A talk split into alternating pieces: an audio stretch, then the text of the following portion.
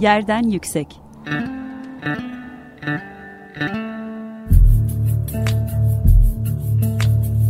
Kentin kent aşırı gündemi. Hazırlayan ve sunan Gizem Kıykı.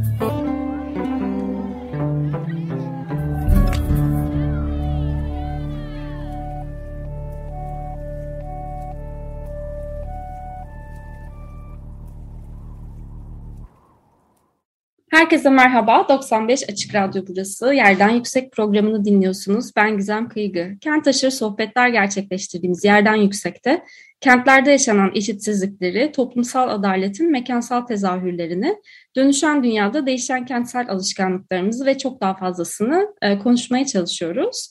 2022 yılı bir Bizans anlatısıyla başladı. E, İstanbul Araştırmaları Enstitüsü ve Pera Müzesi iki tane çok önemli sergiyi şu anda e, ziyaretçilerle buluşturuyorlar. İstanbul'da bu ne Bizantinizm ve İstanbul'dan Bizans'a yeniden keşfin yolları 1800-1955 sergileri e, şu an izleyicilerle e, buluşuyor.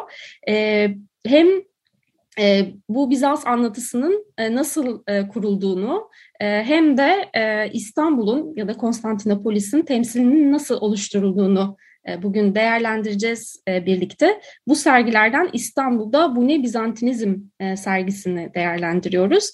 Serginin küratörü Emir Alışık bizimle birlikte. Hoş geldin öncelikle Emir. Teşekkürler. Merhaba Gizem. Çok teşekkürler davetin için. Ben teşekkür ederim. Biraz bu sergide popüler kültürde Bizans'a yolculuk yapıyoruz. Biraz küratörler arka planını merak ediyorum. E, sergi fikri nasıl ortaya çıktı? Nasıl sorularla e, ortaya çıktı?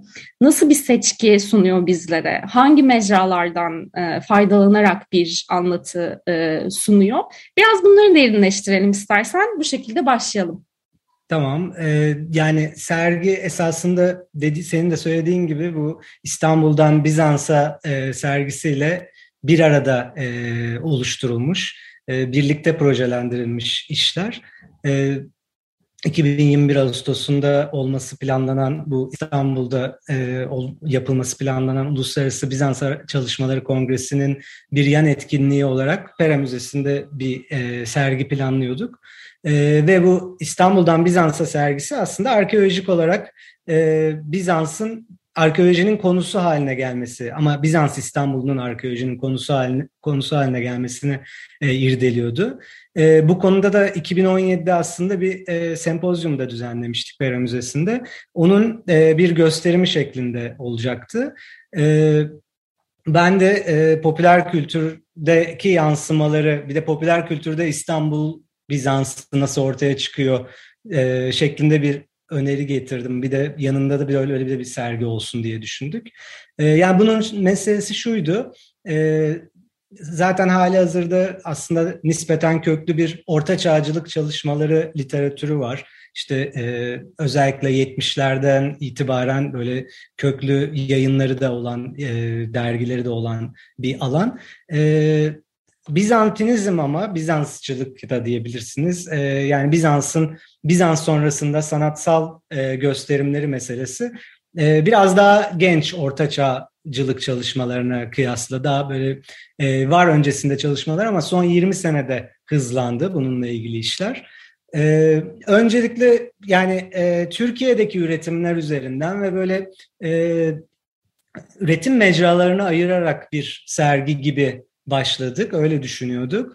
Ancak e, yani şeyi gördük, biraz malzemeyle e, haşır neşir olmaya başladıkça, literatürü okudukça e, şey daha uluslararası bir perspektiften bakmak mümkün ve mecralara ayırmak yerine e, meseleyi bu üretim mecralarını birbirine kesiştiren e, birbirine kesiştiren belli motifler ortaya çıktığını ve bu motiflerin hem tarihsel süreçle dönüştüğünü hem de e, farklı ideolojilerle, farklı motivasyonlarla e, kullanılabildiğini gördük ve o, o yüzden sergide e, daha motiflere e, odaklanarak ve tüm bu farklı üretim mecralarını işte nedir bunlar? E, müzik, edebiyat, film, çizgi roman, e, moda, e, gibi pek çok e, üretim aracı. E, bunları her birini bir araya getirerek ve belli e, belirlediğimiz motifleri ön plana çıkararak hem de e, bunların siyasi arka planlarının farklılığını da göstermeye çalışarak e, bir bir araya getirme e, denedik öyle diyebilirim. E, motifleri biraz açabiliriz aslında. Bir de şeyde e, benim e, gördüğüm kadarıyla e, bilgisayar oyunlarında da mekan temsilleri e, özellikle çok ilginç. E, bu motifler böyle nasıl bir e, toplam çıkartıyor ve bir de yani bir çelişik e, bir e, ilişki var tabii ki Bizans'la. Yani hem bir düşmanlaştırılan ama e, bir yanda da e, bir e, fantazi dünyasına da e, eşlik eden bir anlatısı var. Bu karşıtlıklar nasıl bu motiflerde yer buluyor? Şöyle e, dört ana motif belirledik bu sergi için. E, ve bu dördün iki tanesi şehir kavramı ve Konstantinopolis üzerinde ona dair algıyı irdeliyor. Diğer ikisi ise e, Konstantinopolis'in halklarına dair algıyla e, bir ilişki içinde. Tüm bu motiflerin e, aynı zamanda tarihsel kaynakları da var. Yani e, çünkü popüler üretimler kimi zaman direkt referans yoluyla, kimi zaman da aslında e, direkt referansta değil ama Bizans'a dair genel geçer bilginin literatür üzerinden oluşmasından dolayı bir şekilde tarihsel kaynaklı bir etkileşim içinde bir üretim var. Ve biz de motifleri belirlerken tarihsel kaynakta bu motifin izini yani bu belirlediğimiz motiflerin izini sürüp onu görüp aynı zamanda popüler kültürde ne olduğuna bakmaya çalıştık. Ee, örneğin yani sayayım bu motifleri size. Ee, Bizans'a yelken açmak, kainatın revnakı, e, cadı kazanı ve isyankar renkler. Ee, Örneğin kainatın revnakı e, diye belirlediğimiz motif e, adını 15. yüzyıldan bir Osmanlı e, şiirinden alıyor ve işte e, Konstantinopolis'in işte bir e, evrenin merkezi ve süsü olması meselesini e, gösteriyor ama e, aynı tamlamaya yani farklı dillerde Yunanca'da veya Ermenice'de işte yine 15. yüzyılda bir Ermenice şair, şiirde de rastlıyoruz. Bizans yazınında da rastlıyoruz. Bugün popüler kültürde de e, benzer tabirleri görüyoruz. E, şöyle dediğiniz gibi dediğim gibi yani bu e, kimi düşmanca alımlar zaten bu motif dediğim şey bir, ya bir anda klişeye de kayabilecek şeyler ama aslında klişe demek haksızlık olur çünkü çok orijinal kullanımları ve yani tek bir kullanımı yok. Farklı dediğim gibi e, politik motivasyonlarla kullanılabildiği için e, klişe deyip geçiştirilebilecek bir şey olduğunu düşünmüyoruz açıkçası. E, yani örneğin Cadı Kazanı'nda Cadı Kazanı kısmında e, Bizans siyasetinin şiddetten arındırılamayan e, sarayın tamamen entrika, cinayet, e, taht kavgası gibi şeylerle yürüdüğünü, siyasetin hep böyle yapıldığı algısıyla e, algısına dair bir şeyler gösteriyoruz. E, burada özellikle işte özellikle de Türkiye'de üretilmiş çizgi romanlarda bu dediğiniz gibi o işte e, düşmanlaştırılan Bizans motifi yoğun bir şekilde var ama e, bir yandan şey de var. E, 50'lerde Yunanistan'da bir seri halinde basılmış e, tarihsel çizgi roman serisi ve bu e, aslında nispeten Yunan milliyetçiliği e, yapan işte iç savaş sonrası e, milliyetçi bir yönetimin e, altındaki Yunanistan'da devlet eliyle de biraz teşvik ile de üretilmiş. E, ve Bizans tarihini Yunan tarihinin bir parçası olarak, şanlı bir şey olarak gösteren eserlerde de yine bu entrika, e, cinayet, siyasetin bu şekilde yürütülmesi meselesi burada da karşımıza çıkıyor. Ama diğer yandan işte bu fantastik dediğiniz kısım yani zaten şey çok şaşırtıcıydı ve en ilgi çekici yanı bence o oldu. E, epey fazla spekülatif alanda üretim var. Hem de bu müzikte de, edebiyatta da, illüstrasyonda da var. Ve bu mesela ortaçağ konusunda bolca karşılaştığımız bir şey. İşte Dune ya da Yüzüklerin Efendisi gibi serilerde işte ortaçağ referanslarını biliyoruz. Bunlar çalışılıyor. Ama Bizans konusunda bu pek bilinen bir durum değildi. Ama görüyoruz ki özellikle son 20 yılda yani öncesinde de var 70'lerde de tek tük karşılaşıyoruz ama son 20 yılda e, bilim kurgunun ve fantazinin e, konusu da olmaya başlamış. Hem de Bizans İstanbul, Bizans Konstantinopolisi yani e, direkt bizim yaşadığımız yer e, bunun bir konusu olmaya başlamış. Ve işte kainatın revnakı bölümü altında örneğin e, şehrin üç özelliğini işliyoruz. İşte merkeziliği, e, ebediliği ve gizemlerle doluş, oluşu ki bu biraz egzotize eden de bir özellik. Ama mesela bunun altında işte e, kimi illüstrasyonlar e, cyberpunk atmosferi ve estetiği tanıyan taşıyan ve gelecekte bir Bizans şehri gösteriyor. Ya da işte bilim bir bilim kurgu romanındaki e, galaktik bir imparatorluk e, epey Bizans'tan esinlenerek bir e, dünya oluşturmuş oluyor. Yazar öyle yapmış oluyor. Dolayısıyla böyle e, çok uçlarda işte milliyetçiliğin de araçsallaştırdığı ama bugün dediğim gibi spekülatif e, anlatı biçimlerinde de e, bir şekilde araçsallaşıp ve daha farklı insan hikayelerini deşmek için kullanıldığını e, Bizans'ın görebiliyoruz. E, o yüzden epey farklı uçlara giden e, birbirinden çok ayrı malzemeler bir arada toplanmış oluyor. Çok ilginç gerçekten. Biraz da böyle şeye de değinmek istiyorum. Yani kent temsili, e, anlattığın hikayelerde de bol bol bir kent temsili var ama özellikle 19. yüzyılda Konstantinopolis'in yeniden keşfi var. Arkeoloji ve kent bilgisinin, mimarlık bilgisinin yeniden üretildiği bir dönem. E, bu 20. yüzyılda da devam ediyor. E, biraz böyle oradaki keşfedilen kent e, nasıl e, yani na, öne çıkan keşifle belki anahtar kelimeler üzerinden değerlendirebiliriz. E, hem e, İstanbul'dan Bizans'a yeniden keşfin yolları sergisiyle de bağlayarak e, hem de yani bu popüler kültür de belki nasıl beslemiş e, biraz onu da e, derinleştirebiliriz. Tamam yani e, özellikle video oyunlarında çok çarpıcı olarak belki görüyoruz ve filmlerde. E, şöyle yani İstanbul'dan Bizans'a sergisi 19, yüzyılın başından 1950'ye kadar bir hikaye anlatıyor ve bu hikaye e, İstanbul özelinde e, Bizans arkeolojisinin gelişimi ve Bizans çalışmalarının yani bunun öncesinde var olan Bizans çalışmalarının e, bir şekilde bakışını İstanbul'a e, çevirmeye başlamasının hikayesi bu.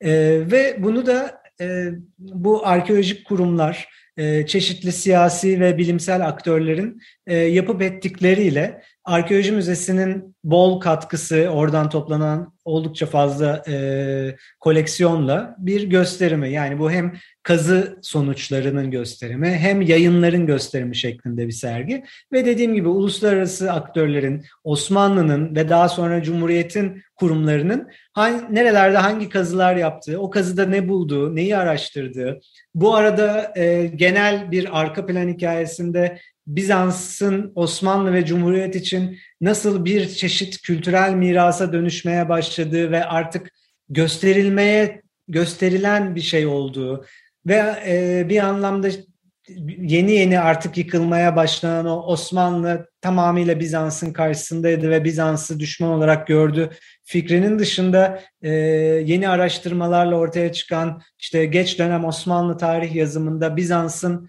e, Osmanlı'nın meşruiyeti için bir işlev kazanması dolayısıyla Bizans'ın sahiplenilmesi gibi konuları e, işlenen işleyen bir sergi. Ama Bizantinizm, popüler kültürde Bizantinizm sergisi bağlamında şöyle bir işlevi var. E, yani erken 20. yüzyıl modernist e, sanat Bizans'tan etkilendiği zaman örneğin Klimt veya e, Kandinsky gibi ressamları düşünebilirsiniz. Ya işte e, İtalya'da var olan bir Bizans e, mirasından özellikle Ravenna'daki mozaiklerden ya da Sicilya'da ayakta duran ve daha erişilebilir olan işte tren yolunun çok daha önce geldiği, işte deniz yollarının daha açık olduğu, oradaki siyasi birimin e, buradaki malzemeyi daha açık gösteriyor olduğu bu, bu şekilde erişilebilir yani e, yerlerden ya da işte Kandinsky örneğinde daha ortodoks bir e, şeyden arka plandan ve ortodoks miras üzerinden bir esinlenme vardı ve Konstantinopolis bu üretimin çok bir parçası olamıyordu. Ancak işte bu bilimsel çalışmalar, arkeolojik kazılar, işte arkeolojik kazılarla örneğin işte hipodromun daha belirgin bir hale gelmesi, Kariye'deki, Ayasofya'daki e, mozaikleri görebilmeye başlamamız. Örneğin e, sergide ilginç bir ikili fotoğraf var. Ee, böyle hipodromu Sultanahmet Meydanı'nı gösteriyor ve arada 5 sene var. 1850'lerin başıyla sonu gibi bir aralıkta.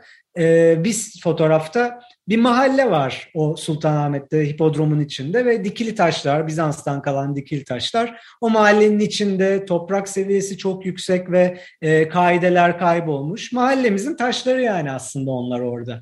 Ama yani aradan bir 5-10 sene geçtikten sonra bir bakıyoruz mahalle tamamıyla yıkılmış. E, yeni bazı binalar yapılmış çok daha gerilerde ve e, toprak seviyesi aşağıya indirilmiş. E, dikili taşların çevresine çit çekilmiş ve artık gösterilir bir şey haline gelmiş Bizans. Mi, Bizans mirası diye bir şey bir fikir ortaya çıkmış gibi.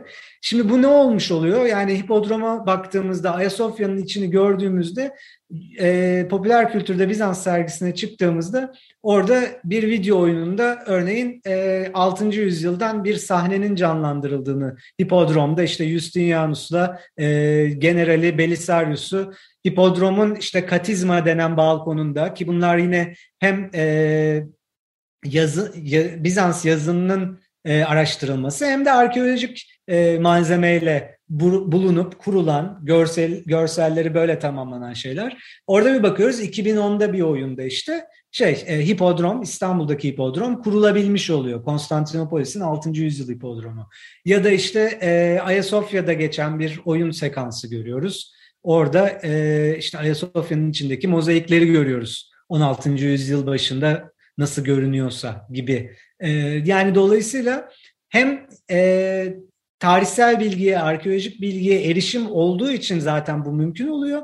Ama bir yandan bu e, erişim olduğu için ve bu çalışmalar olduğu için e, burası ha şuraya bakayım bunu konu edeyim de diyebiliyor yaratıcılar. O yüzden aslında bence direkt bir e, bağ olduğunu söyleyebiliriz yani bu e, akademik ve popüler kültürdeki gelişme arasında.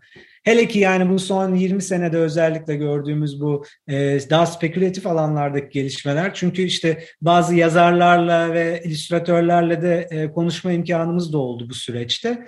E, yani onların da söyledikleri e, yani zaten kimisi gerçekten Bizans tarihi çalışan insanlar. Kimisi e, Bizans tarihi literatürünün işte çok güncel hallerinin farkında. Bunun farkında olmasının yanında bir de Bizans'ı daha düşman gibi gören ve işte yoz bir şey olarak tanımlanan işte Edward Gibbon falan gibi daha aydınlanma çağı Avrupa'sının daha kötücül Bizans anlatılarından da sıyrılmış, onu reddeden. Ya örneğin çünkü e, Asimov'un işte yüzyıl ortasındaki e, vakıf serisinde de e, Bizans varlığı biraz gözüküyor. Çünkü zaten e, şey Roma İmparatorluğu'nun gerilemesi ve yıkılışı kitabından Gibbon'ın tamamen onun bir e, yorumlamasıdır o seri zaten. E, bunu Asimov kendi de söylüyor. Dolayısıyla Gibbon'ın fikirleriyle yine spekülatif kurguda Bizans'ı görüyoruz. Ama şimdi mesela e, yani bu çalışmalar yürüdüğü için mesela Gibbon reddedilip Gibbon'dan başka bir Bizans tahayyülü yapılabiliyor gibi e, durumlar var. Çok ilginç gerçekten. Ee, şeyi de soracağım, programımızın da böyle yavaş yavaş sonuna geliyoruz. Ee, bunlar ve daha fazlası yani sergiye eşlik eden birçok mecra var. Dinleyicilerimize e, çok tavsiye ediyorum. E, İstanbul Araştırmaları Enstitüsü'nün e, bir blogu var. E, blogda e, yazılar e, yayınlanıyor. E, bir podcast serisi var. E, İstanbul'da Bu Ne Bizantinizm e, sergisini derinleştiren ve bir de yani belki ayrıca bir radyo programı üzerine yapılabilecek bir yayın var. E, ve çok kısaca e, bu anlatıları da dinlemek istiyorum senden Emir. Bu mecraları nasıl kullandınız, nasıl derinleştiriyorsunuz buralarda sergiyi? Teşekkürler bu arada ilgine. Ee, yani şey böyle kısa bir e, podcast serisi ürettik ki burada da e, işte yazar, müzisyen ve bazı sanatçıları e, davet ettik. Bun, onları Bizans tarihçileriyle konuşturduk ve işlerini işte Bizans tarihiyle e, alakaları düzeyinde konuştuk. Böylelikle işte e, sanatçıların hem ne kadar Bizans tarihi okuduğunu hem niye oradan etkilendiğini, o işi niye öyle yaptığını e, biraz sorguladık. E, o keyifli bir deneyim oldu gerçekten. E, bir de evet serginin bir kitabı var ve bu kitapta 10 makale var. E, makaleler mecralara yönelik çalışıyor. İşte sinemada Bizantinizm veya e, metal müzikte Bizantinizm gibi şeyler. E, ve e, farklı alanlarda çalışan yine Bizans tarihçilerinin genellikle bulunduğu bir e, yayın oda. E, metal müzikte Bizantinizm demişken Pera Müzesi'nin Spotify hesabında e, bir de playlist de oluşturduk. O makalede incelenen e, eserlerin e, orada da dinleyebiliyorsunuz gibi bir böyle bir etkinliği de var. E, yani dolayısıyla evet podcast, playlist ve kitabıyla böyle bir büyük bir set gibi oldu.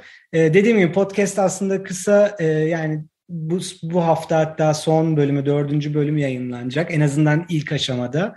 Ama yani e, şey bir ihtimal belki yeni konuklarla sergi sonrasında da devam edebilir. E, evet yazılar olacak şu blogda. E, zaten sürekli kısa bir şeyler yayınlıyor hem Pera Müzesi hem İstanbul Araştırmalar Enstitüsü. Yani herhangi bir yerinden e, bekliyoruz herkese diyebilirim. Evet, konuyu derinleştirmek isteyen için e, aslında çok fazla mecra var. E, bir üretim yoğunluğu oldu biraz pandemiden sonra da yani sergiye eşlik eden kataloglar hep olur ama yayınlar çoğaldı, sergi yayınları. Ama bu yayınlar kataloğun biraz daha ötesinde kendi başına bir akademik e, çalışma e, niteliğinde olan e, yayınlar. Bu yüzden çok kıymetli. Tabii ki e, ses mecralarının da e, bu kadar fazla kullanılıyor olması e, özellikle radyo cemiyetini çok mutlu eden e, şeylerden bir tanesi. Güzel e, örnekler vardı önümüzde tabii. ne, ne kadar güzel. E, peki sergi ne, ne kadar zamanla kadar devam edecek? Bir de onu öğrenelim. E, ve pandemi dolayısıyla ziyaret koşulları varsa eğer belki dinleyicilerimiz onu da bilmek isterler. Evet 6 Mart'a kadar açık. Ee, ya PCR testi ya da aşı e, varlığını belgelemek gerekiyor.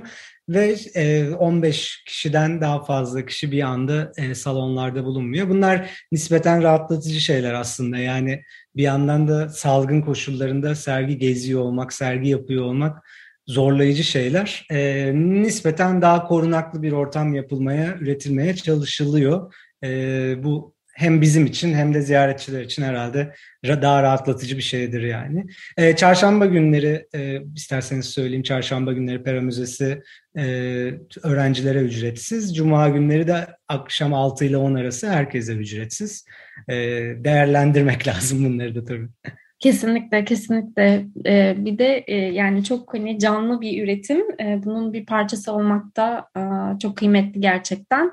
Ee, biz programdan önce konuşmuştuk. Tabii ki e, Bizans çalışmaları çok e, deneyimli ve çok e, üretken bir alan ama e, belki de bu kadar topyekün bir e, üretimi e, uzun zamandan beri ilk defa görüyoruz. Yani iki tane sergi, ona eşlik eden başka yayınlar, başka mecralarda yayınlanan başka yayınlar da devam ediyor. Gerçekten 2022 yılında e, Bizans'ı daha fazla konuşacağız e, gibi görünüyor. Dinleyicilerimize yeniden e, hatırlatalım. İstanbul'da bu ne Bizantinizm ve İstanbul'dan Bizans'a yeniden keşfin yolları e, sergileri şu an devam ediyor. E, ve Mart'a kadar e, ziyaret edip e, bu üretimlerden e, faydalanabilirsiniz. Podcast mecralarında dinleyebilirsiniz. Yayınları da ulaşabilirsiniz. Çok teşekkür ederim e, Emir. Ayaklarına sağlık, ağzına sağlık. Davetine, ilgine ben teşekkür ederim. Çok güzel fırsat oldu benim için anlatmak için sergiyi. Bizim için de umarım e, bu sergi süresince başka e, vesilelerle de yerden yüksekte ara ara hem sergileri hem diğer üretimlerinizi değerlendirme fırsatı bulabiliriz e, diye düşünüyorum. E, heyecanla e, serginin yankılarını e, bekliyorum e, ben de. Evet. Çok teşekkür ederim yeniden ve çok tebrikler. Teşekkürler. Görüşmek üzere o zaman.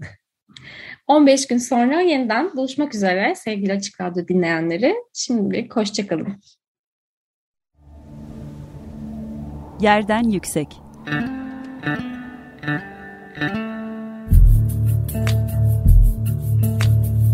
Kentin kent aşırı gündemi. Hazırlayan ve sunan Gizem Kıykı.